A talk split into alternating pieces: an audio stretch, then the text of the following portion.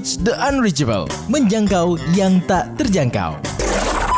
Ada begitu banyak daftar tunggu yang masuk pada kami, mereka yang mengharapkan bantuan, guru agama, mahasiswa teologi dan hamba Tuhan, dan para calon partner ini yang masuk dalam daftar tunggu, tentu kami akan carikan member atau anggota Mission Care. Siapa member itu? Mereka yang memiliki kepedulian, memiliki hati dan punya berkat untuk bisa berbagi. Satu contoh, dalam siaran ini Ibu Levina bersedia untuk menjadi member.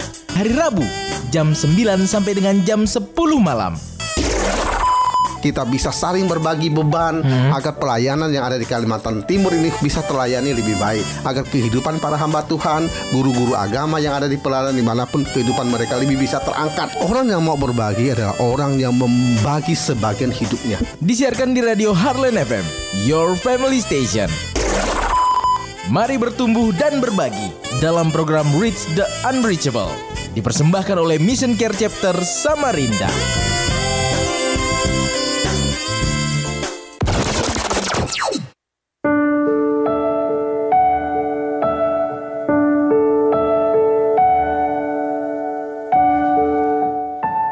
Selamat malam hal listener. Kembali lagi pastinya di ruang dengar Anda Dalam program Reach the Unreachable Menjangkau yang tak terjangkau.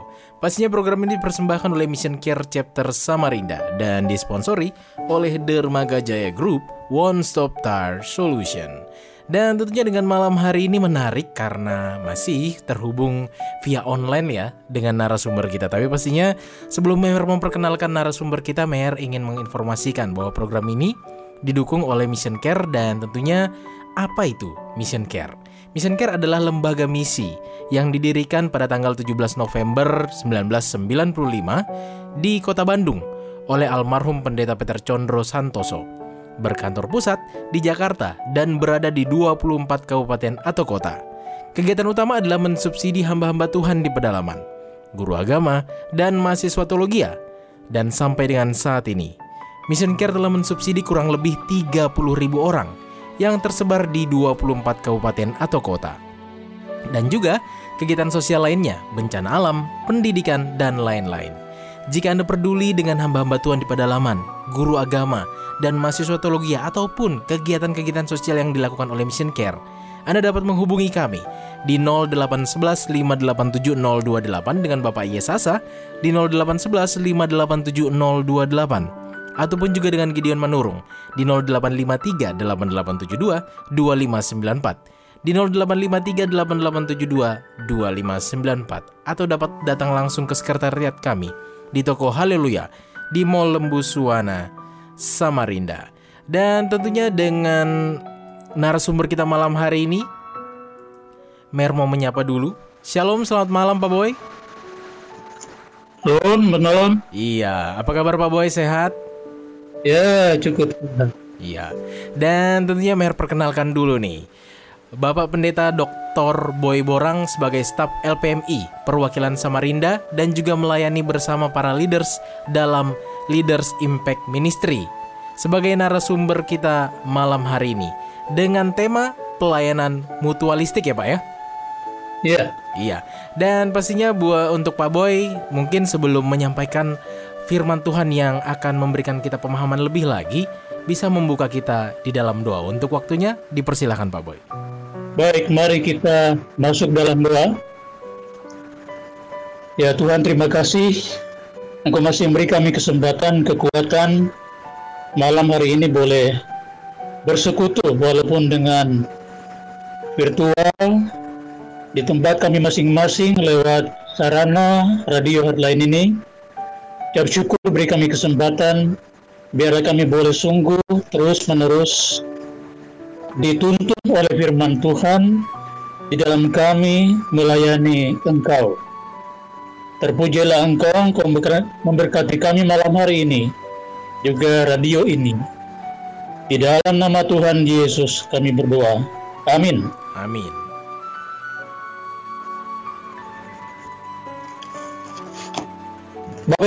Sekalian yang ada di rumah, kita bersyukur malam ini kita masih bisa bertemu lagi walaupun dalam bentuk online. Kita berkesempatan merenungkan firman Tuhan. Malam ini saya akan mengarahkan kita berbicara mengenai pelayanan yang mutualistik. Saya baca dari Lukas 8 ayat 1 sampai 3 bagian yang sudah sangat kita familiar juga dalam Lukas 8 1 sampai 3 saya bacakan di sini tidak lama sesudah itu Yesus berjalan berkeliling dari kota ke kota dan dari desa ke desa memberitakan Injil Kerajaan Allah. Kedua belas muridnya bersama-sama dengan dia dan dia juga dan juga beberapa orang perempuan yang telah disembuhkan dari roh-roh jahat atau berbagai penyakit yaitu Maria yang disebut Maria Magdalena yang disebut yang telah dibebaskan dari tujuh roh jahat. Yohana istri Kusa, bendahara Herodes, Susana dan banyak perempuan lain. Perempuan-perempuan ini melayani perempuan itu, rombongan itu dengan kekayaan mereka.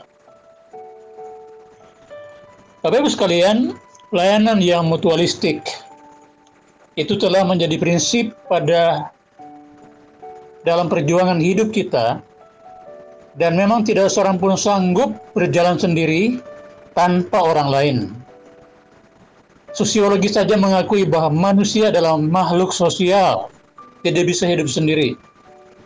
Dalam dunia biologi pun ada yang kita kenal dengan simbiosis mutualisme. Dalam konteks komunitas kerajaan Allah, orang-orang percaya atau gereja Tuhan merupakan komunitas yang mutual.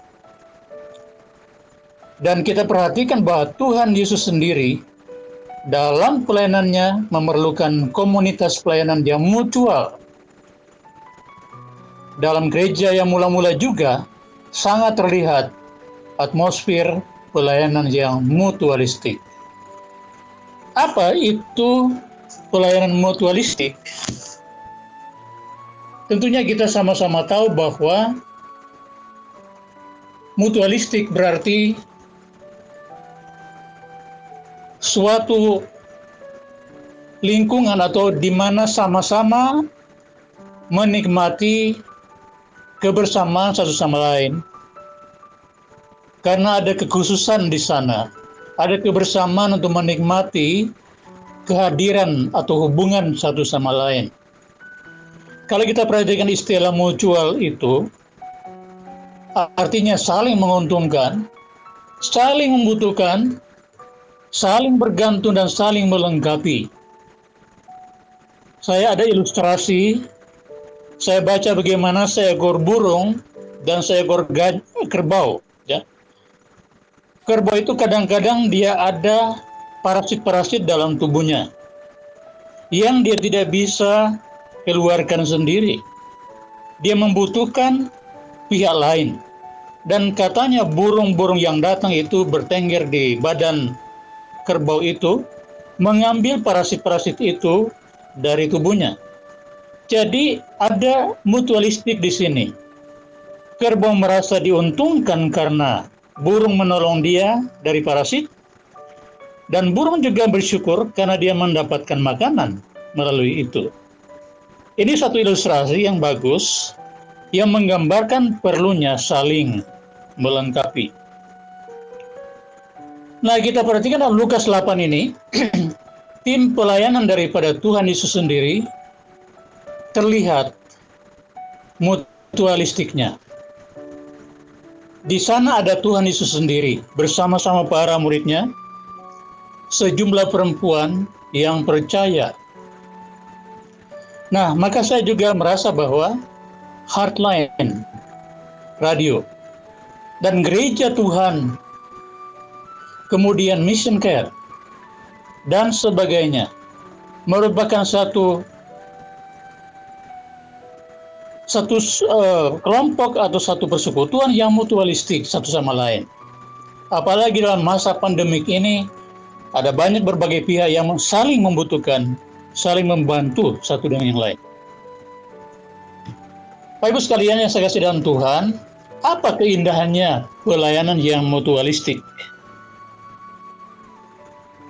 Yang pertama kita lihat bahwa kalau ada sifat mutualistik di dalam pelayanan atau saling membantu, saling membutuhkan, di sana akan ada kekuatan yang lebih besar dibanding dengan sendiri-sendiri. Kita bisa bandingkan kalau orang hanya berjalan sendiri, beda kekuatannya dengan kalau dia bersama-sama dengan orang lain atau pihak-pihak yang lain. Yang kedua, dengan adanya mutualistik ini akan memberi kesempatan kepada orang yang terlibat, kepada orang lain untuk terlibat, berkontribusi. Ada banyak orang barangkali ingin berbuat sesuatu, tapi tidak dilibatkan. Jadi fungsi mutualistik di sini adalah justru melibatkan orang-orang. Ini adalah juga panggilan manajemen, pengelolaan supaya bukan kita sendiri saja yang berjuang, tapi ada orang lain yang siap untuk berjuang bersama. Kita melihat Maria Magdalena dan kawan-kawan dikatakan bahwa mereka melayani rombongan itu. Kita perlu sadar bahwa semua orang yang melayani itu hanyalah manajer, bukan pemilik. Ini semua kita mengerti. Tidak ada dalam dunia ini orang yang melayani Tuhan disebut pemilik, tetapi dia adalah pelak pengelola saja, pengurus. Dan Tuhanlah yang menjadi pemilik daripada pelayanan itu sendiri. Dalam satu Petrus 4 ayat 10, Petrus mencatat hal ini. Yang ketiga saya melihat keindahan daripada pelayanan ini di sana bisa terbangun persekutuan dalam rangka untuk pertumbuhan rohani bersama. Inilah keindahan daripada pelayanan dalam tim yang mutualis. Tetapi kita sekarang bertanya, apa yang dapat menghambat pelayanan yang mutualistik? Saya juga mencatat ada tiga hal. Pertama adalah egoisme. Berbicara egoisme, semua kita tahu, itu pasti adalah orang-orang yang tamak, mementingkan diri sendiri, bahkan bahasa lain orang yang kikir, tidak mau memberi sesuatu, tidak murah hati. Dengan demikian dia pula tidak rela berkorban. Hitung-hitungan, dan sebagainya. Nah, kalau para wanita itu tidak mau berkorban, kalau mereka mau hitung-hitungan, tidak mungkin mereka mau melayani Tuhan, bergabung dalam tim pelayanan itu. Yang kedua saya perhatikan, bukan saja egoisme, hambatan yang kedua adalah superiority, atau bisa juga keangkuhan ya banyak orang merasa mampu sendiri dia merasa lebih daripada orang lain sehingga dia tidak merasa perlu orang lain Mari kita ingat, kalau saja Petrus yang sering merasa lebih hebat dari yang lain, dia bertahan dengan superioritasnya, mungkin dia tidak mau bergabung di dalam pelayanan. Dia tidak mau bersama-sama dengan orang lain. Tapi nyatanya kita lihat bahwa Petrus benar-benar mau dipakai Tuhan melayani. Yang ketiga saya lihat inferioritas. Rupanya terbalik dari yang kedua tadi. Orang yang rasa rendah diri. Ada yang mengatakan, aku tidak usah dilibatkan dalam pelayanan, Pak saya itu tidak bisa apa-apa. Saya itu tidak tidak punya bakat, talenta, saya tidak punya apa-apa lah. Sehingga jangan libatkan saya. Ini inferiority. Orang yang merasa rendah diri, ya.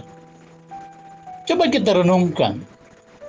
Kalau bicara inferioritas, para wanita yang baru di disembuhkan dibebaskan oleh Tuhan Yesus daripada para roh jahat dari roh jahat itu mereka itu bisa punya alasan kami ini orang berdosa tidak layak tidak bisa berbuat sesuatu dan mereka tidak akan berani bergabung dalam pelayanan karena mereka merasa kami ini tidak ada apa-apanya. Nah, justru kita melihat mereka tetap menjadi bagian di dalam tim pelayanan Tuhan Yesus. Sekarang mungkin muncul pertanyaan pada kita, bagaimana wujud daripada suatu pelayanan yang mutualistik? Saya juga mencatat tiga hal. Wujud atau bagaimana bentuk daripada pelayanan yang mutualistik itu. Yang pertama dari segi mental spiritual. Tim yang mutualistik, dia suka saling mendoakan, saling mendukung dengan firman, saling memberi penghiburan satu sama lain, saling mendoakan, ya pokoknya saling memperhatikan, karena merasa saling memerlukan, saling membutuhkan, sehingga ada suatu atmosfer untuk saling menguatkan satu sama lain. Dalam Yesaya 41, 6 dan 7, ada kata-kata yang luar biasa di sana. Dikatakan bagaimana orang yang saling membutuhkan itu. Kalau saya baca dia berkata begini, yang seorang menolong yang lain dan berkata kepada temannya, kuatkanlah hatimu. Tukang besi menguatkan hati tukang emas, dan orang yang memipihkan logam dengan martil menguatkan hati orang yang menempa di atas landasan. Ada suatu atmosfer mutual atau saling mengisi, saling mendukung, saling melengkapi. Bukankah itu yang terjadi sekarang dalam pelayanan kita? Antara mission care dengan gereja-gereja, dengan para hamba Tuhan, bahkan dengan radio hotline sendiri. Ini merupakan suatu lingkup kelompok yang mutualistik di mana saling menguatkan, saling membutuhkan, saling menghibur, saling mendoakan. Yang kedua, saya lihat adalah kapabilitas. Kalau tadi itu menyangkut mental spiritual, yang kedua adalah saling membutuhkan dalam hal kapabilitas. Yang saya maksudkan di sini adalah menyangkut pengetahuan, keterampilan dalam pelayanan, dan juga bahkan pengalaman-pengalaman. Tidak ada di antara kita yang tidak saling memerlukan satu sama lain, saling belajar satu sama lain, saling mohon dilatih oleh satu sama lain, bahkan mendengarkan pengalaman orang lain, orang lain yang sudah banyak dipakai Tuhan, bagaimana Tuhan memakai mereka. Mereka punya punya banyak pengalaman yang menjadi berkat bagi orang-orang yang lebih muda, orang-orang lain yang membutuhkan masukan, membutuhkan pertolongan. Jadi saya melihat seperti dikatakan dalam Amsal 27 ayat 17, kita masih ingat ini membicarakan mengenai besi menajamkan besi. Artinya bahwa satu sama lain semua orang itu akan saling mempertajam satu dengan yang lainnya. Di dalam pelayanan kita selama ini saya percaya hal ini juga sedang terjadi. Saling mempertajam dalam hal pengetahuan. Saya melihat radio hardline banyak dipakai Tuhan mempertajam wawasan kita, mempertajam pengetahuan kita, memberi informasi-informasi menyangkut pergumulan-pergumulan pekerjaan Tuhan. Keterampilan, begitu pula pengalaman, terus saling mengisi satu sama lain. Ini bicara mengenai kapabilitas, kemampuan ya.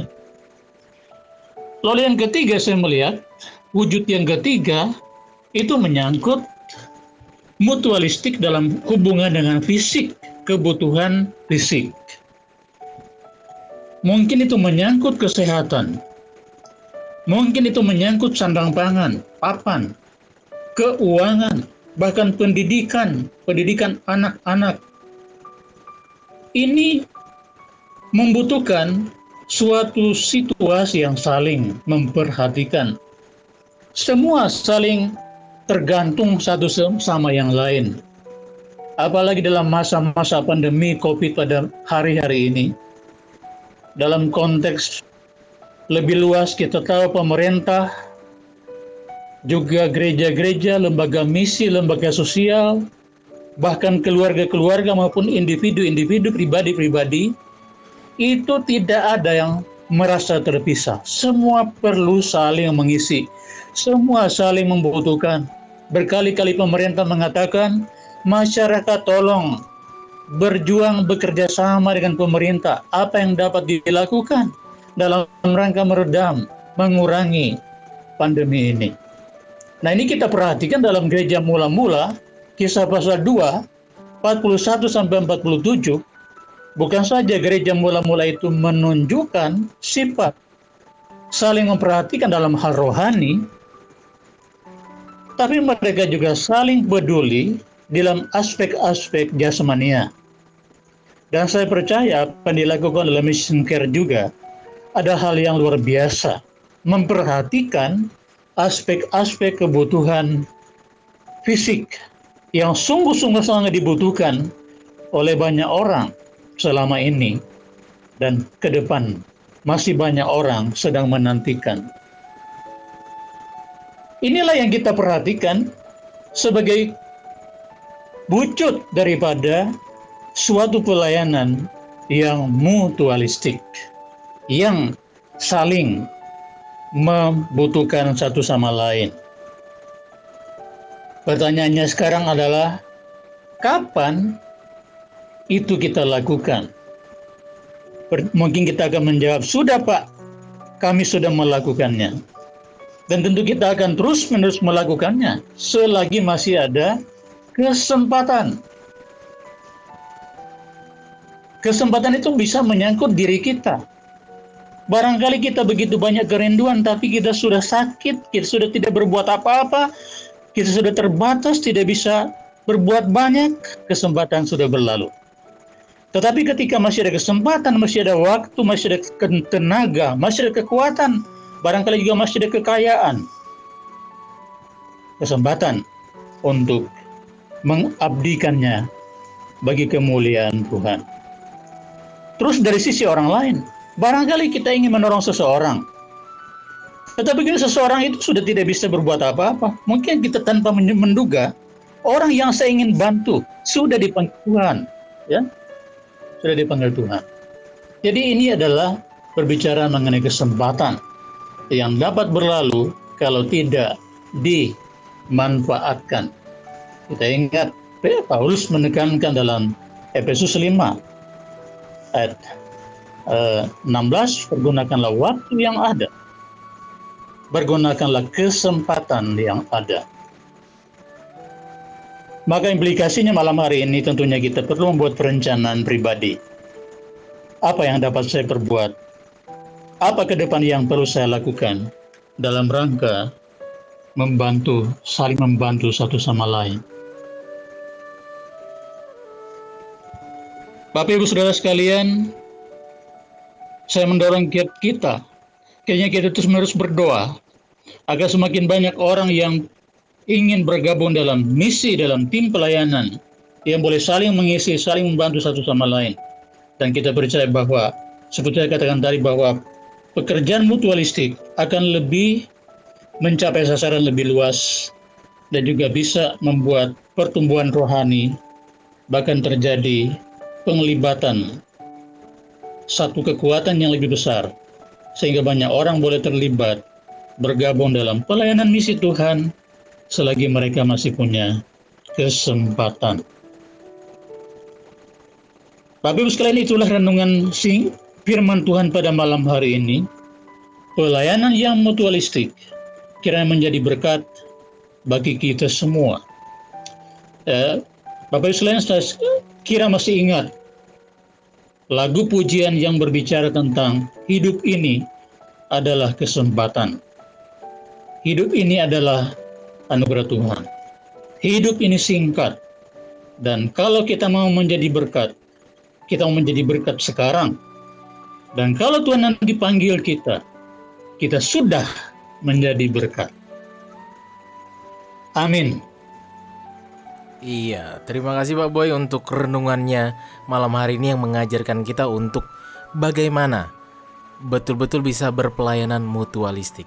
Harapannya bagi Anda listener yang mungkin saat ini ingin bertanya ataupun ingin menggali lebih dalam apa yang dimaksud dari pelayanan mutualistik dalam kehidupan kita dapat bergabung di line SMS dan WhatsApp ya di 0811 583 0944 di 0811 583 0944. Seperti yang tadi Pak Boy sampaikan bagaimana dengan sebuah lagu yang mengajarkan kita untuk bisa mm, betul-betul berpelayanan lebih lagi ya Pak ya terlebih lagi Iya. dalam kondisi saat ini. Satu single yang hadir untuk Anda listener, hidup ini adalah kesempatan. Dan pastinya kami akan segera kembali.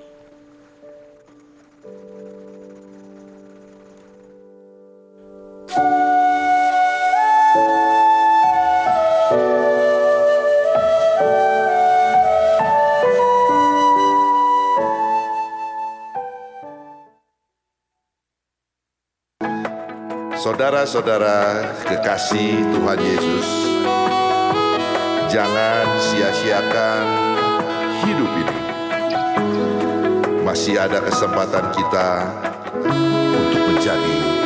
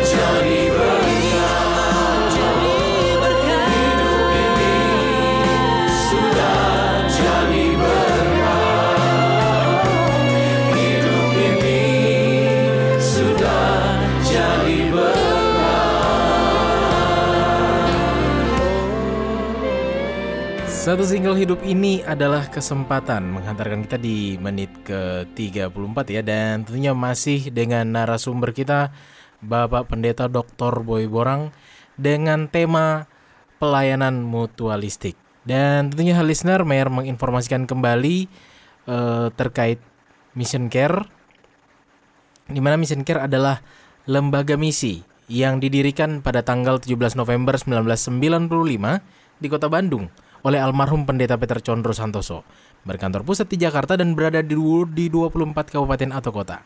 Kegiatan utama adalah mensubsidi hamba-hamba Tuhan di pedalaman, guru agama, dan mahasiswa teologi. Dan sampai dengan saat ini, Mission Care telah mensubsidi kurang lebih 30 ribu orang yang tersebar di 24 kabupaten atau kota, dan juga kegiatan sosial lainnya, bencana alam, pendidikan, dan lain-lain. Bagi Anda yang saat ini memiliki kesempatan untuk berbagi, memiliki kerinduan untuk berbagi, ataupun Anda yang rindu untuk menjangkau yang tak terjangkau, dapat menghubungi kami dengan Bapak Yesasa di 0811 587028 dengan Bapak Yesasa 0811 587028 ataupun juga dengan Bapak Gideon Manurung di 0853 8872 2594 di 0853 8872 2594 ataupun datang langsung ke sekretariat kami di toko Haleluya di Mall Lembu Suwana, Samarinda. Dan tentunya masih tersambung dengan Bapak Boy Borang. Pak Boy dengan tema yang menarik malam hari ini, pelayanan eh, mutualistik nih. Kondisi yang sering terjadi sering sekali kita justru terpuruk sehingga mutualistik yang menjadi dasar dari semua pelayanan yang kita lakukan tidak berjalan dengan baik. Bagaimana mengatasi kondisi terlebih lagi ke arah pribadi ya Pak? Psikologi kita yang sering terganggu dengan kondisi-kondisi saat ini. Silakan Pak Boy. Ya. Jadi mutualistik itu tidak hanya berbicara soal uh, hal-hal yang menyangkut fisik, Mhm. tapi itu yang saya katakan tadi, itu menyangkut kerohanian juga menyangkut mental. Iya. Itu barangkali ada orang yang secara fisik punya kelebihan cukup, tapi mental spiritualnya yang mengalami kemerosotan dan itu membutuhkan dukungan Hmm, perhatian dukungan doa daripada uh, saudara-saudara yang lain. Iya. Ini memang terjadi ya. Jadi ini bisa dikatakan kalau dalam kondisi seperti itu orang sudah makin lemah, sudah ada orang yang memberi perhatian secara rohani, Oke. kan makin terpuruk secara rohani. Iya. Karena kondisi kondisi seperti itu yang justru eh, kita saat ini mungkin masih ada yang terjebak dengan kondisi seperti itu, Pak. Bagaimana Ya. kita bisa menghadapi ini? Mudah-mudahan yang mendengarkan malam hari ini bisa menemukan jawaban dari apa yang Bapak sampaikan. Maksudnya tadi keterpurukan secara rohani. Iya, secara rohani karena apalagi dengan kondisi yang mungkin ada yang kena PHK, Pak, ataupun juga berdampak kepada ekonomi dan lain-lain. Nah, ini bagaimana, Pak? Ya. Bagi saya salah satu solusi yang dapat menjadi action point yang lebih bisa kelihatan adalah kita tidak menunggu orang-orang itu Ya. untuk mencari kita, tetapi orang-orang yang punya kepekaan untuk memperhatikan orang-orang seperti itu, kalau kita mengenal mereka, maka kita yang bertindak mencari mereka, Ya. menemui mereka, dan berkomunikasi dengan mereka, Mhm. berdoa dengan mereka. Kayaknya, ya, barangkali itu. Bukan sebaliknya ya Pak, menunggu. Kadang-kadang kan, wah nggak tahu nih kita mau ke mana nih. Atau enggak Iya. misalnya nggak tahu bisa ke Mission Care nih, karena Mission Care juga sebuah lembaga yang bisa menjangkau hal itu. Nah, menggali lagi Pak, untuk orang betul-betul bisa. Kadang-kadang, oke saya mau bantu, saya sudah tahu tempatnya. Keyakinan dan kepercayaan untuk dapat memberikan bantuan ini juga menjadi dasar yang kuat. Bagaimana agar dasar ini betul-betul bisa terbangun sehingga pelayanan mutualistik yang Bapak sampaikan tadi berdampak dan dirasakan bagi banyak orang. Orang yang murah hati, orang yang suka memperhatikan orang lain itu adalah orang yang tentunya sudah mengalami kasih Tuhan ya, sudah mengalami pembaharuan hidup. Ya. Otomatis dia akan memiliki motivasi dan juga gerakan yang sangat kuat untuk memperhatikan hal-hal seperti itu sehingga dia tidak waktu dia ada inisiatif untuk mencari dia ada inisiatif untuk uh, membangun pelayanan ini Ya. sehingga dia bisa ya berbuat sesuatu tanpa harus menunggu orang lain Berarti sebenarnya dalam kondisi seperti ini, U ini bisa dikatakan ujian bagaimana pelayanan mutualistik terukur. Apakah betul, iya. Pak? Ya, kalau kita berkata misalnya orang berkata saya kasihan dengan orang itu, tapi kasihannya seperti apa? Hanya ngomong kan? Ya. Tapi kalau tindakan-tindakan yang kelihatan Hmm, itu justru orang perlukan. Oke. Jadi memang tidak mudah, tapi saya perhatikan bahwa kalau itu bertolak daripada motivasi dari dasar hati yang sangat mengasihi, Hmm, memuliakan Tuhan tanpa mencari dilihat orang, tapi untuk dilihat oleh Tuhan saja, maka Oke. dia bisa sesuatu yang maksimal bagi orang lain. Jadi mutualistik itu akan sangat kelihatan.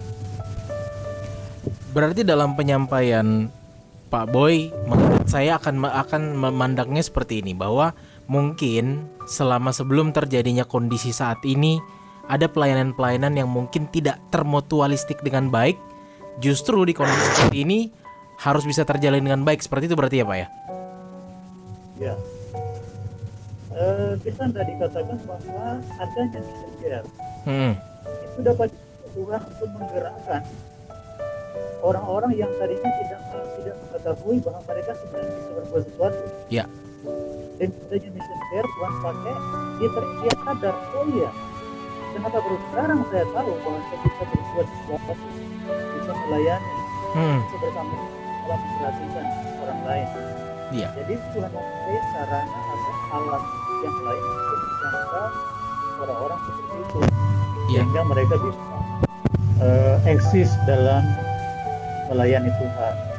Iya, karena dari kesaksian Pak Yasasa selaku eh, wakil presiden chapter eh, di Samarinda juga mengatakan justru kondisi kita pandemi ini eh, Mission Care mendapatkan banyak support untuk bisa mensubsidi tidak hanya hamba-hamba Tuhan, guru agama, mahasiswa teologi, tapi segala hal yang terdampak oleh kondisi pandemi saat ini, Pak. Bapak Ya, luar biasa. Bapak memandangnya seperti apa? Ya inilah bukti bahwa Tuhan mendengar doa. Tuhan malah membuktikan kuasanya, menyatakan kehadirannya di masa-masa yang Iya. menurut akal itu tidak tidak tidak masuk akal. Iya. tapi justru itu terjadi. Kalau kita lihat dari eh, dari janda miskin yang memberi persembahan di dalam Iya, Alkitab itu, betul. dia memberi dari kekurangannya. Sekarang ini banyak orang kelihatannya aktif memperhatikan orang lain. Apakah dia karena punya kelebihan banyak? Tak, barangkali dia juga punya kekurangan, tapi dia apa? Kaya dalam kemurahan, sehingga dia memperhatikan orang lain. Iya. Jadi itu namanya mutualistik. Tuhan tidak mungkin eh, tidak memperhatikan orang yang seperti itu. Berarti fokusnya bukan kepada kekurangan dia tapi apa yang tetap dia bagikan walaupun tidak terukur hanya dalam sisi dana saja ya Pak ya. Tenaga dan Iya, lain benar. juga itu bisa diberikan. Iya. Dalam satu tim itu tidak, misalnya si A tidak bisa berbuat sesuatu dari sisi fisik, tetapi ada yang lain yang Tuhan pakai. Jadi ada yang mendoakan, ada juga yang bergerak secara fisik Hmm, dan sebagainya. Menarik untuk dapat mendiskusikan pelayanan mutualistik lebih dalam lagi. Dan tentunya hal listener di mana pun Anda berada, kami masih mengundang Anda untuk dapat bergabung di line SMS dan WhatsApp di 0811 583 0944 di 0811 583 0944 dan pastinya jangan ke mana-mana. Saya Mayor dan juga ada Pak Boy akan kembali. Tetap terus di Heartline FM Your Family Station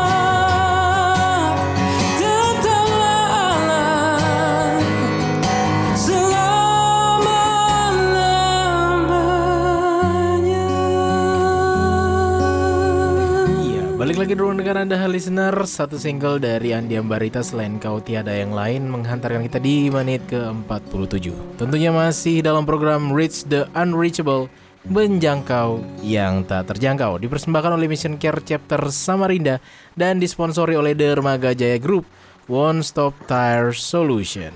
Dan pastinya masih dengan narasumber Bapak Dr. Boy Borang Dengan tema kita pelayanan mutualistik dan tentunya di kesempatan segmen terakhir ini Pak Boy, apa yang dapat menjadi eh, pemahaman kita ataupun kesimpulan kita terhadap pelayanan mutualistik terlebih lagi menghadapi kondisi saat ini? Silakan Pak Boy. Mungkin ada waktu kita perlu mempunyai kesempatan untuk merenungkan kembali bahwa sebenarnya ada begitu banyak orang yang sedang dalam posisi membutuhkan, Hmm. tetapi tidak dijangkau secara lebih lebih realistis karena mungkin tidak ada upaya untuk menggali informasi-informasi sehingga kita bisa tahu apa sebetulnya yang sedang diperlukan sehingga juga kita tahu apa yang dapat kita lakukan. Hmm. Yang kedua saya kira tetap dukungan doa sangat penting. Ya. Jadi yang dapat dilakukan adalah mengerahkan segenap pihak untuk berdoa bersama-sama dalam hubungan dengan gerakan untuk memperhatikan orang lain. Jadi kesadaran untuk bersifat mutualistik itu hanya karena Roh Kudus yang menggerakkan orang. Sehingga itu barangkali agenda penting yang perlu dilakukan dalam hari-hari ke depan. Barangkali itu dua hal, Pak. Iya, dan pastinya eh, terkait dengan pelayanan di Mission Care sendiri sebagai sarana Iya. untuk menjangkau pelayanan mutualistik ini. Ada mungkin yang bisa Pak Boy sampaikan? Jadi tentu saja Mission Care sudah memiliki eh, pengalaman dan juga agenda pelayanan yang sudah sudah ditetapkan. Ya. Dan saya percaya bahwa apa yang barangkali tinggal di- dikembangkan adalah konsolidasi, ya, penguatan kembali. Hmm, Kali ada saat-saat juga secara manusia bisa lemah, bisa patah semangat, Iya. bisa lelah, bisa capek. Maka perlu ada konsolidasi artinya penguatan kembali, pemantapan kembali. Kalau bahasa elektronik, recharge lagi Iya. sehingga kekuatan itu bisa lebih kelihatan lagi. Kalau sudah Tuhan pakai sekarang ini begitu luar biasa, Hmm, yang menjadi kerinduan adalah ke depan, dipakai Tuhan lebih lagi ke depan. Amin. Oleh karena ada semangat Hmm. untuk mengembangkan kekuatan lagi selagi masih ada kesempatan. Iya. Barangkali itu. Oke deh. Dan tentunya kita sudah berada di menit-menit terakhir Pak Boy. Sebelum menutup perjumpaan kita, pastinya Pak Boy bisa tutup kita di dalam doa. Silakan Pak Boy. Bapa di sorga, kami bersyukur bahwa kami boleh masih ada sampai saat ini, masih boleh melayani Tuhan, masih boleh berperan sesuai dengan kemampuan, kapasitas, posisi, atau fungsi kami sebagai apa pun.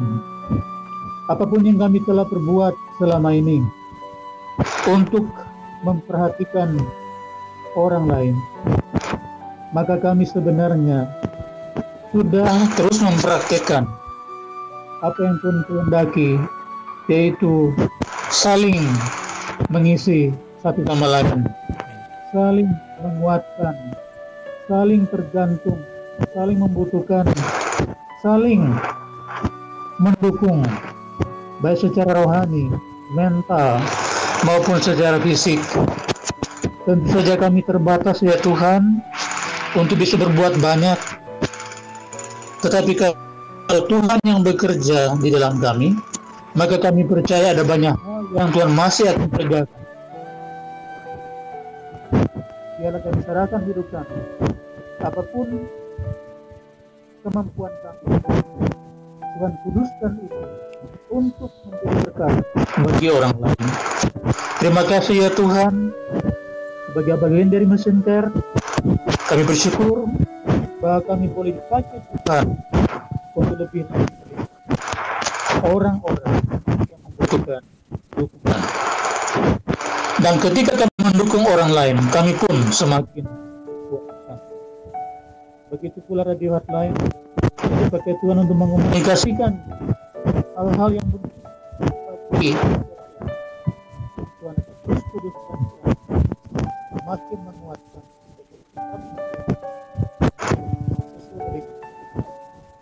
Terima kasih ya Tuhan untuk firman-Mu. Di dalam nama Tuhan Yesus kami berdoa. Amin. Amin. Terima kasih Pak Boy untuk firmannya malam hari ini. Mudah-mudahan kita bisa ketemu lagi di minggu-minggu depan dengan pelayanan yang beda.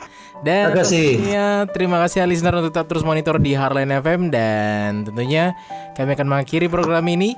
Tetap terus dukung pelayanan Mission Care untuk dapat menjangkau yang tak terjangkau untuk Anda yang ingin lebih mengenal, ingin memahami ataupun ingin menjadi bagian dari Mission Care dapat menghubungi Bapak Yesasa di 0811 587 028 ataupun juga dengan Bapak Gideon Manurung di 0853 8872 2594 dengan Bapak Yesasa di 0811 587 028 atau dengan Bapak Gideon Manurung di 0853 8872 2594 atau dapat mendukung langsung dengan mentransferkan dana Anda ya ke rekening BCA di 027 123 2500.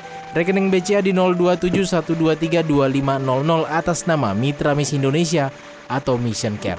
Atau dapat lang- datang langsung juga ke sekretariat kami di toko Haleluya di Mall Lembuswana Samarida. Dan pastinya dari balik meja siar Radio Harlan FM kami undur diri. Sekali lagi Pak Boy, terima kasih. Dan Terima akhir kata keep on growing and never give up.